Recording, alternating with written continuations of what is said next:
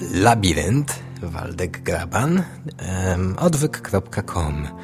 E, program o Bogu, o Biblii, o życiu z tym Bogiem względem Biblii. Może tak. Program, który często ostatnio zmienia koncepcję, który nie może znaleźć swojego miejsca, ale powoli statycznie się stabilizuje. E, doszedłem do wniosku, że właśnie odwyk nie jest, e, jakby odwyk nie jest już dla mnie a Labirynt nie jest dobrym programem na odwyk. Biblia inaczej kiedyś i owszem, ale już nie ten program. E, stwierdziłem zatem, że mm, a propos zmiany koncepcji, mm, uczynię Labirynt programem dla ludzi, którzy znają już podstawy Biblii, którzy chcą, a nawet już oddali swoje życie Panu Bogu, Panu Jezusowi. I będę tu mówił o rzeczach trochę głębszych niż Ewangelia, ok? O tym, jak żyć. Panie Waldku, jak żyć? Pan się nie boi. No, jestem. Dobra. Dzisiaj, e, dzisiaj chciałem powiedzieć troszeczkę o komunikacji z Bogiem i o różnych podejściach. I nie, nie będę tutaj cytować znowu żadnych filozofów, nie będę tutaj cytować literatury, a nawet nie będę cytować chyba Biblii. E, dlatego proszę ostrożnie i rozważnie słuchać się, wsłuchać się w to, co mówię, z rozumem i z ostrożnością podejść do tego, co będzie w tym programie przedstawiane. Dlatego, nie, dla, nie dlatego, że tu będą złe rzeczy, nie dlatego, że będę się mylić, mam nadzieję, że nie będę. Dlatego, że mówię o tym, co znam z własnego doświadczenia. Coś chyba przerywa. Jeżeli tak, to sorry. Nic na to nie poradzę. Bez cięcia jest. Więc tak. Komunikacja z Panem Bogiem. Będąc chrześcijaninem, oddając się Jezusowi, tak naprawdę oddajesz całego siebie. Mówisz, Panie, weź mnie stąd. Zrób ze mną to, co uważasz za słuszne, to, co uważasz za dobre. Po to jestem. Chcę być tylko i wyłącznie dla Ciebie. Użyj mnie. Jeżeli Ty oddałeś mi wszystko, co miałeś, ja oddaję to Tobie. Dlatego właśnie, że układ jest na tyle równy, Jezus nazywał nas często przyjaciółmi, nie sługami, lecz odnosił się do nas, do ludzi jak do przyjaciół do uczniów, ale i do przyjaciół.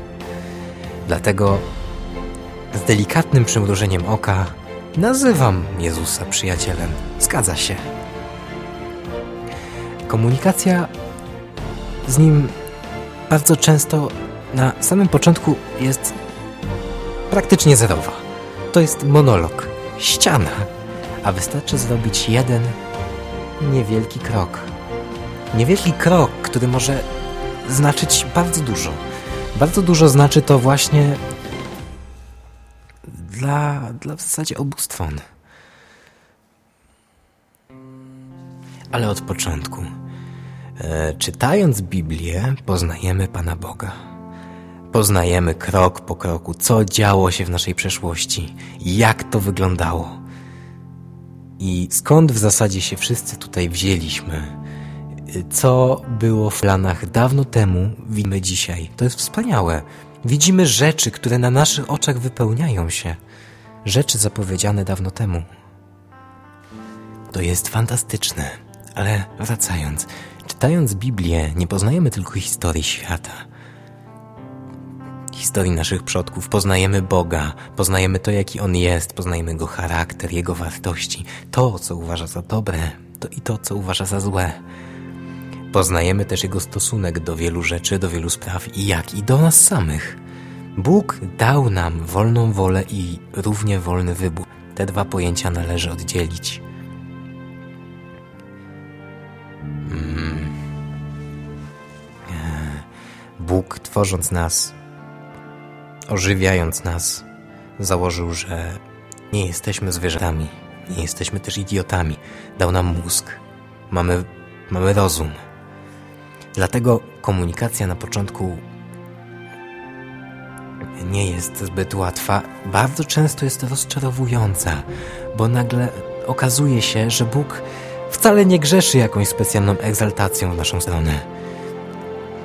I to jest tragiczne, to, to jest nie do przeskoczenia dla wielu, że nie czujemy Jego głosu, nie słyszymy tego, nie wiemy dokładnie, co mamy robić. Jesteśmy niepewni tego, co do nas mówi, czy w ogóle mówi, czy nam się wydawało. Ale Bóg przemyślał to. Przemyślał to i dał nam taki pewien rodzaj inteligencji, takie łączenie ze sobą kropek. Czyli ty nie musisz go słyszeć, wystarczy, że jesteś rozumny i widzisz, co się dookoła ciebie dzieje. Inteligentny człowiek. Bo takich Bóg lubi. To się Bogu podoba. Bóg lubi mądrość, Bóg lubi inteligencję, Bóg lubi rozwój. Oczekuje od nas, że będziemy używać rozumu tak samo mocno jak serca, woli i ducha, tak? Bóg działa dookoła nas. Działa dookoła nas z założeniem, że nie jesteśmy bezmyślnymi roślinami. Że obserwujemy to, co dzieje się dookoła, że widzimy w tym wszystkim projektanta, że widzimy ten program, że to jest zaprogramowane, że to działa.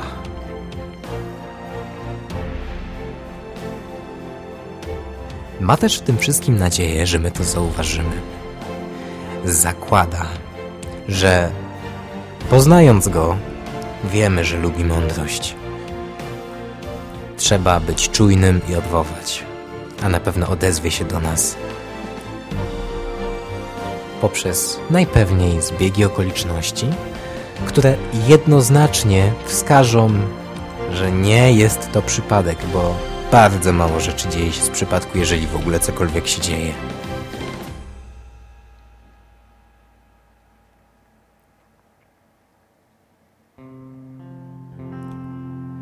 Bądźmy czujni, nie mrugajmy. Mrugając możemy przespać wyciągniętą w naszą stronę rękę Boga. Naprawdę.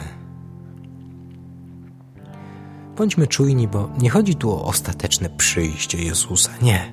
Chodzi tu o to każde małe, osobiste przyjście, o pukanie. Pukanie do nas, serca. Wpuśćmy go. Żeby go wpuścić, musimy wiedzieć, że puka. Pukanie często objawia się właśnie małymi, drobnymi sytuacjami, które często jednoznacznie wskazują na to, że coś dookoła nas się dzieje, coś ponadnaturalnego, coś, co prowadzi nas do Niego, do jedną stronę, coś, Bóg wręcz daje nam przed nos klucz do drzwi swojego domu, a my w tym momencie mrugamy. My się zajmujemy głupotami. My siedzimy z komórką w ręce i gramy w coś, zamiast czasem po prostu dać się ponieść tej delikatnej skłonności do refleksji, którą ma każdy człowiek. Jedyne, najpewniejsze miejsce, gdzie zawsze Boga spotkamy, to cisza.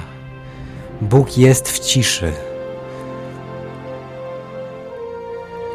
Dlatego zadanie na ten tydzień znajdź w sobie ciszę, znajdziesz też Boga, znajdź w sobie cierpliwość będzie tam na ciebie czekał.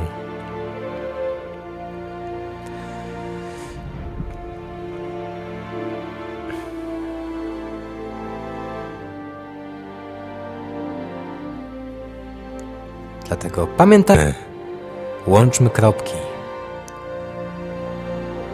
Zwracajmy uwagę na ciągi przyczynowo-skutkowe, które nigdy nie są przypadkowe. Do usłyszenia w przyszłym odcinku. To był program Labirynt, a ja się nazywam Waldek Graban i dziękuję za to, że słuchałeś. Łaś, łeś, łoś. I dzięki. Pamiętajmy, uczmy się, czytajmy. Nie marnujmy czasu na głupoty. Mamy go za mało. Do usłyszenia.